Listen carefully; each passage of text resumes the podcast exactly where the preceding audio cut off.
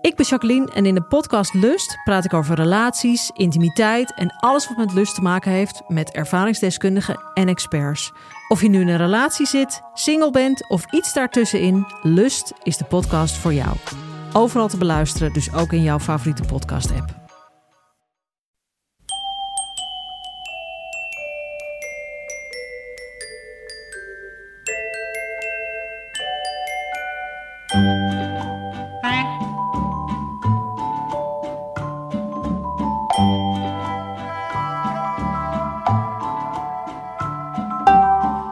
Welkom bij aflevering 192 van de Echt Gebeurd podcast. Waarin waargebeurde verhalen worden verteld door de mensen die het zelf hebben meegemaakt.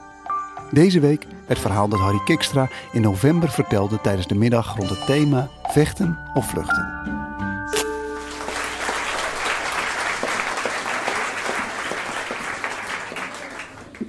Bergbeklimmen is eigenlijk een hele vreemde sport.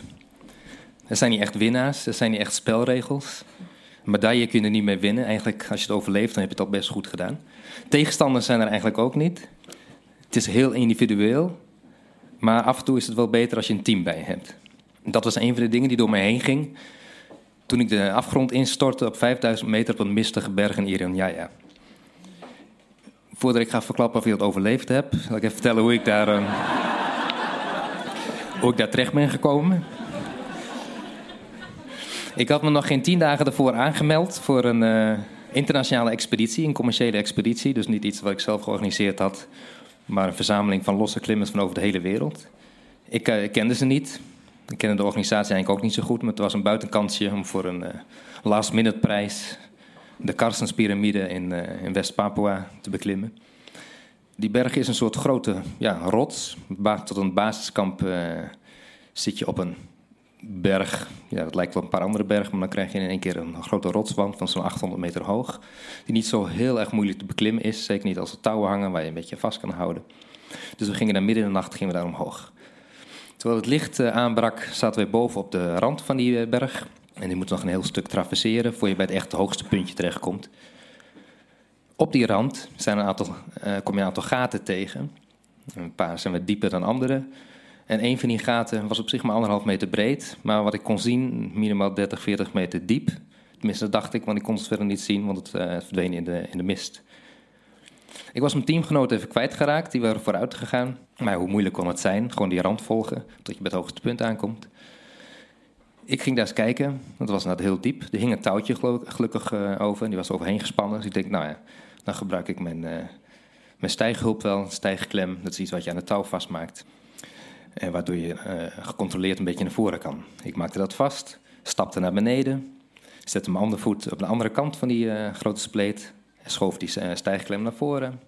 En op dat moment viel mijn voet, gleed eraf. Ik weet niet of er een stukje rots afgebroken is. Um, of dat ik gewoon verkeerd gestapt heb, of dat het te glad was. Ik viel naar beneden. Gelukkig zat ik nog met die stijgklem, maar die ging ook los.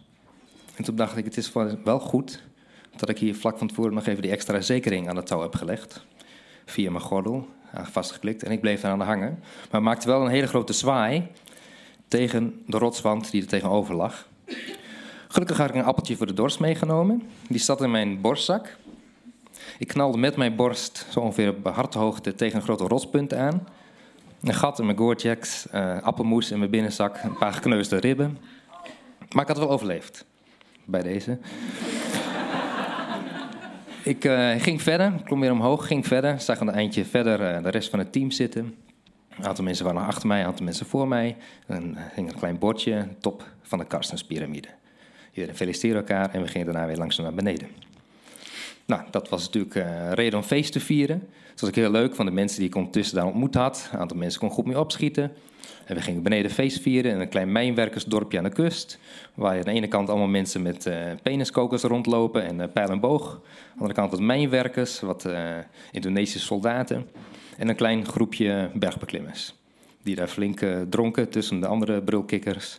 Wat zaten te eten en plannen zaten te maken voor de volgende beklimming. Maar die Karstenspyramide is een van de zogenaamde Seven Summits. Dat zijn de hoogste toppen van de zeven continenten. Ik had al Kilimanjaro gedaan en de Elbrus, dus Afrika en Europa.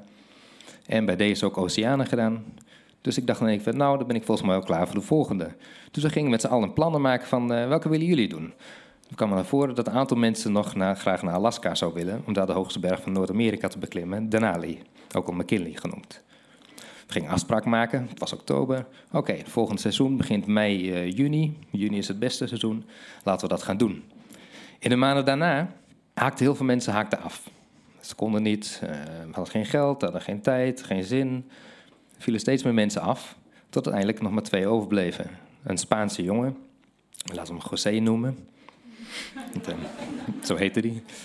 Dat, die heel veel al beklommen had, ook heel veel doorsteken had gedaan in het Poolgebied. Bijzonder ervaren klimmen. En ik, die iets minder ervaring had op dat moment. Ze hebben nog overleg gepleegd van, ja, misschien moeten we maar afblazen. Want het was een heel goed doel om met z'n tweeën te doen. Dat is, uh, best gevaarlijk, zo'n berg. Het is een andere maat dan, uh, dan de Kilimanjaro. Maar we hebben het toch doorgezet. We, zijn, we kwamen elkaar tegen in Anchorage, afgesproken. Daarna wat eten gekocht. Onze gehuurde skis opgehaald. Ik kon eigenlijk helemaal niet goed skiën. Maar die berg kun je alleen op, op, op skis of op sneeuwschoenen. Dus dacht ik van, nou, sneeuwschoenen is misschien wat veiliger. Maar hij, was erop, hij stond erop, we moeten op skis doen. Maar ik denk, hij heeft de ervaring. Dat zal hij wel weten. Hij had dan Groenland overgestoken en nog een paar andere dingen op skis met slees. Dat doen we maar. Die berg, dat is een enorme ijsvlakte. Hij is niet veel hoger dan de Kilimanjaro. Maar op het moment dat je landt met een kleine Cessna op de gletsjer... moet je nog 4000 meter omhoog klimmen. Op het moment dat je landt is er geen druppel water meer te bekennen. Elk water wat je wilt drinken, waar je wilt gebruiken om te koken, moet je smelten. Dus per persoon neem je normaal 4 liter benzine mee. Normaal voor twee weken eten. Maar we hadden al afgesproken van de helft van de expeditie is mislukt door tijdgebrek. Dus wij gaan even extra eten meenemen, zodat we er 30 dagen kunnen blijven. Dus 30 dagen eten mee. Als je met een team gaat van zes man, dan neem je meestal een extra tent mee. Maar met z'n tweeën ook. Als een tent kapot gaat, dan is expeditie over. En dat is gewoon levensgevaarlijk. Dus een extra tent mee, extra branden mee, en andere extra spullen mee voor de zekerheid. Er kwam wel op neer dat we 35 kilo op onze rug hadden, plus nog 30 kilo in de slee, keer 2. Dat was een heel avontuur. Bij het vertrek, het eerste paar honderd meter gaat naar beneden. Moet je je voorstellen dat je op ski zit, waar je eigenlijk helemaal niet zo goed mee om kan gaan. Met daarachter een touwtje, 35 kilo op je rug. Dan een slee, een soort kinderslee van plastic. Met daarop een grote Noordface tas, helemaal vol, topzwaar. Die we minst of geringste omrolt of voorbij komt. Zeker als je naar beneden gaat. Dus dat was nogal een heftige tocht. De eerste paar dagen uh, ga je over de gletsjer met de, met de skis. En ik merkte, toen had ik in Anchorage al een beetje gemerkt, dat er wat spanning ontstond. Want ik had een beetje het gevoel van, ja, misschien had ik dit helemaal niet moeten doen. Maar José die had van, ja, we moeten dit doen, uh, we gaan het doen zoals ik het doe. En ik dacht van, ja, jij, eh, jij weet het, dus ik volg je wel. We kwamen op een kamp aan, een van de eerste kampen. Het was een heel gevecht geweest voor een paar kilometer. We kwamen daar aan en toen hij weer aankwam, ging hij over zijn nek. Hij was volledig ziek van de inspanning. Ik ben niet heel groot, maar José is een kop kleiner en had evenveel gewicht als, als ik. Ik zei, zal ik je even helpen? Met je tent of uh, ga maar even liggen, dan doe ik het wel, het werk voor het kamp. We doen alles zelf. Iedereen moet zichzelf kunnen redden, anders kom je deze berg kom je niet ver. Ik zeg, oh ja, nou, mij is het fijn als je elkaar helpt. Volgens mij is het wel, daarom zijn we samen, toch? Nou, het belangrijkste was dat we samen waren, dat we samen aan het touw konden. Want je hebt daar een aantal gletsjerspleten. Sommige zijn maar een meter breed, sommige zijn 20 meter breed. Dus het is wel fijn als je allebei aan van een, van een touw zit. Dan heb je nog kans dat je elkaar eruit kan halen. Zo ging die spanning, het werd een beetje, werd een beetje erger. Het volgende kamp vroeg ik hem ochtends na het kamp opbouwen. Van, uh, wil je even helpen met mijn rugzak? Ik denk, dat is wel handig. Ik wil niet graag mijn, uh, mijn rugspieren verrekken. Wat wij dan altijd doen met andere vrienden in de bergen. Want iemand houdt de rugzak even op, armen erin, klaar. Geen centje pijn. Nog. Dat moet je zelf kunnen doen. Oh, oké. Ja, dat kan ik ook wel. Maar ik denk als we toch zijn met z'n tweeën, dan kun je elkaar net zo helpen. Zo ging het tijdje door. Het was een hele zware tocht. We waren de eerste van het seizoen, de eerste van het millennium. Dus jaar 2000 was dit. Normaal, halverwege het seizoen, het einde van het seizoen, staan er heel veel kampen, zijn al opgezet. Dan zie je wat uh, sneeuw, eglo's, maar toen wij er kwamen, moesten we elke, elk kamp helemaal opbouwen. Je zet er een tent neer en vervolgens nog een uh, muur van 1,5 meter omheen van sneeuwblokken. Sneeuwblokken uitzagen. Het was min 40. bijna dag en nacht, want het was eh, begin mei. We waren eigenlijk iets te vroeg, maar het was enige tijd dat we allebei konden. Dus je kwam vrij uitgeput, kwam je daar aan. Halverwege verandert de berg een beetje, dan laat je skis achter, dan laat je wat extra voedsel achter en dan ga je vervolgens uh, eten omhoog shuttelen. Dus één keer neem je de, en breng je de helft van het eten naar boven, ga je weer naar beneden naar het kamp, ook een beetje om te acclimatiseren aan de hoogte. En vervolgens de dag daarna, of normaal heb je rustdag, maar als het goed weer is, dan uh, maak je daar gebruik van, omhoog naar het volgende kamp. En zo steeds een stukje verder. Maar ik voelde de hoogte heel erg. 4000 meter op Denali voel je een stuk uh, beter dan de 4000 meter op Kilimanjaro, omdat je vlak bij de poolcirkel zit. En ik zei, we moeten even een rustdag hebben. Nee, we moeten nu naar boven. Oké, dan gaan we naar boven. We kunnen ook niet alleen gaan dan. Je bent letterlijk van elkaar afhankelijk. We gingen omhoog, nog een kamp verder, nog een kamp verder, het tweede basiskamp, nog een kamp verder. En dan zitten we op het laatste kamp, 5200 meter. De berg zelf is 6200 meter, dus de topdag is nog flink lang. En we kwamen eraan en ik had hoofdpijn. Ik was ziek van de hoogte. Ik zei, uh, nee, vannacht gaat niet lukken. Ik moet even rusten. Ik had last van mijn knieën, van al het gewicht wat we omhoog gezult hadden... en van die slee die we omhoog gezult hadden. En uh, hij zei, nee, we gaan nu. Ik zei, nou, wacht nog even. Als we een dagje wachten, dan, kan ik, uh, dan kunnen we samen naar boven. Zei, we gaan nu. Op zich is wel gelijk, het was goed weer. En Denali, daar mislukken de meeste expedities... omdat gewoon de mensen in een storm terechtkomen. Dus op het moment dat het goed weer is, moet je daar gebruik van maken. We waren nog maar elf dagen onderweg, dus het was vrij snel. We hadden wel tijd, nog drie weken voedsel hadden we nog bij ons. Maar we gingen toch. We gingen omhoog, dat was een hele zware tocht.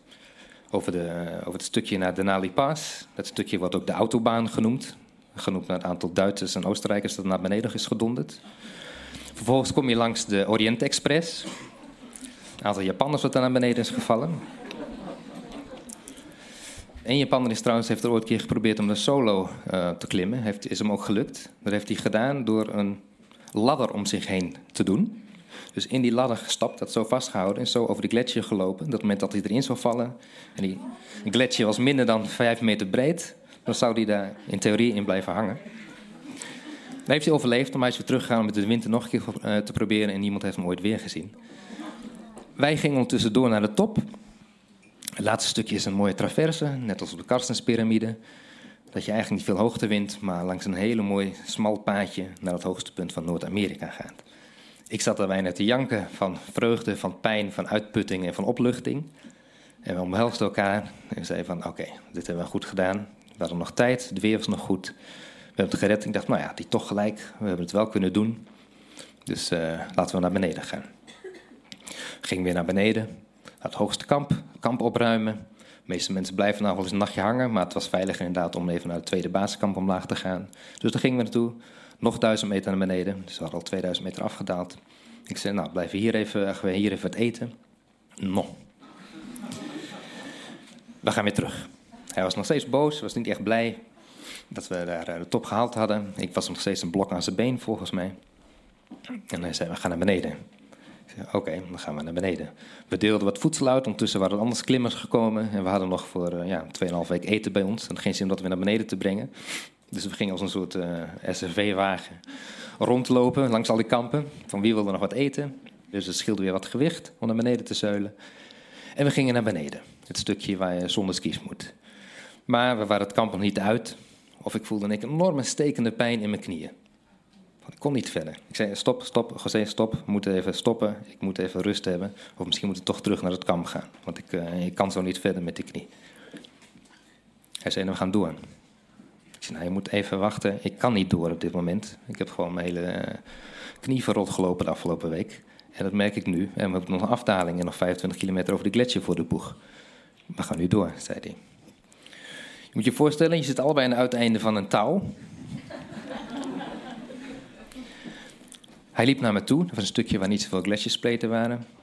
Ging voor mij staan. Keek omhoog. Ik keek omlaag. Ik zei, ik moet even rusten. Hij zei, we gaan door. Ik zei, ik ga nu hier rusten en je stopt me niet. Hij werd helemaal wild. Zonder ook een, echt een woord te zeggen. Zag je zijn ogen opvlammen. Hij keek me aan. Wist even niet wat hij moest doen. En pakte vervolgens een ijsbijl, een pikkel. Hield hij omhoog met een bedreigende beek naar achter en zei: We gaan door. Stel je voor, je zit in Alaska op 4000 meter hoogte. Met een touw, vast aan een Spanjaard met een half macho-syndroom en een half little man-syndroom. Met veel meer ervaring dan jij, die vervolgens met een ijsbijl op je gezicht uh, wil inslaan. Vluchten kan niet echt. Maar je zit vast met elkaar aan een touw. En dat wil je ook niet alleen uh, over die gletsjer naar beneden. Vechten is ook niet echt een goed idee, eigenlijk om dezelfde reden. Het enige wat ik echt kon doen is daar te plekken uh, met mijn voeten in zijn knieën schoppen, want ik had stijgijzers aan. Dat ging, door mijn, dat ging door mijn hoofd heen, van hoe krijg ik hem als hij echt gevaarlijk wordt, nog gevaarlijker. Wat moet ik doen? Dus ik zat aan zijn knieën te denken met stijgijzers. Dus we stonden elkaar een beetje aan te kijken. Ik heb geen idee hoe lang dat duurde. Het voelde heel lang. En toen zag ik in zijn ogen dat hij volgens mij hetzelfde idee had. Van, ja, deze luie Hollander. Misschien heb ik me nog nodig om beneden te komen. Dus na een uh, onbekende tijd ging die ijsbel ging weer naar beneden. We keken elkaar aan. En hij liep weer door. Ondertussen was door de adrenaline en het hele fight or flight idee... was mijn lichaam echt helemaal opgepept. Dus ik had ook echt weer zin om te lopen. Ik zei, ik ook weg. En we gingen naar beneden. Het, uh, de skis ophalen. Volgens een stukje naar beneden skiën, weer omvallen. De, de slee die weer voorbij kwam, ons weer omver trok. Wij weer schelden. En het allerlaatste stukje na 25 kilometer non-stop over die gletsjer... is een stukje dat heet Heartbreak Hill. Want de laatste paar honderd meter is weer omhoog. We kwamen daar in het kamp aan. Hadden nog steeds geen woord met elkaar gesproken. We hebben ook geen tent meer opgezet. We hebben ons gemeld bij de Basecamp uh, director... Die heeft een vliegtuig gebeld, die kon vliegen. Het was nog uh, op zich uh, goed weer. Nou, morgen komt er iemand voor jullie. Ik had geen zin in die tent meer op te zetten. Ik wou niet bij hem in een tent, hij wou niet bij mij in een tent, dat was duidelijk. Dus ik heb in de tent geslapen waar al de benzine opgeslagen zit. Bovenop ongeveer 500 blikken benzine. Bovenop geslapen. Volgende dag werden we opgehaald door een kleine Cessna. Wij daarin, volgens naar uh, Talkeetna, a quaint little drinking town with a climbing problem. Staat op het bord bij de ingang. Hebben ook niet meer samen gegeten. En hebben niks meer tegen elkaar gezegd. En dat is uh, tot de dag van vandaag is dat nog steeds zo. Zoals ik zei, bergsport is een vreemde sport. Ik heb in de bergen mijn beste vrienden ontmoet. Echt mensen waarvan ik weet dat ik op elk moment uh, ervan op aan kan. Die je leven voor mij zullen geven en ik voor hun. Maar ik heb ook ontdekt dat je ook mensen tegenkomt waar je absoluut geen vrienden mee wil zijn.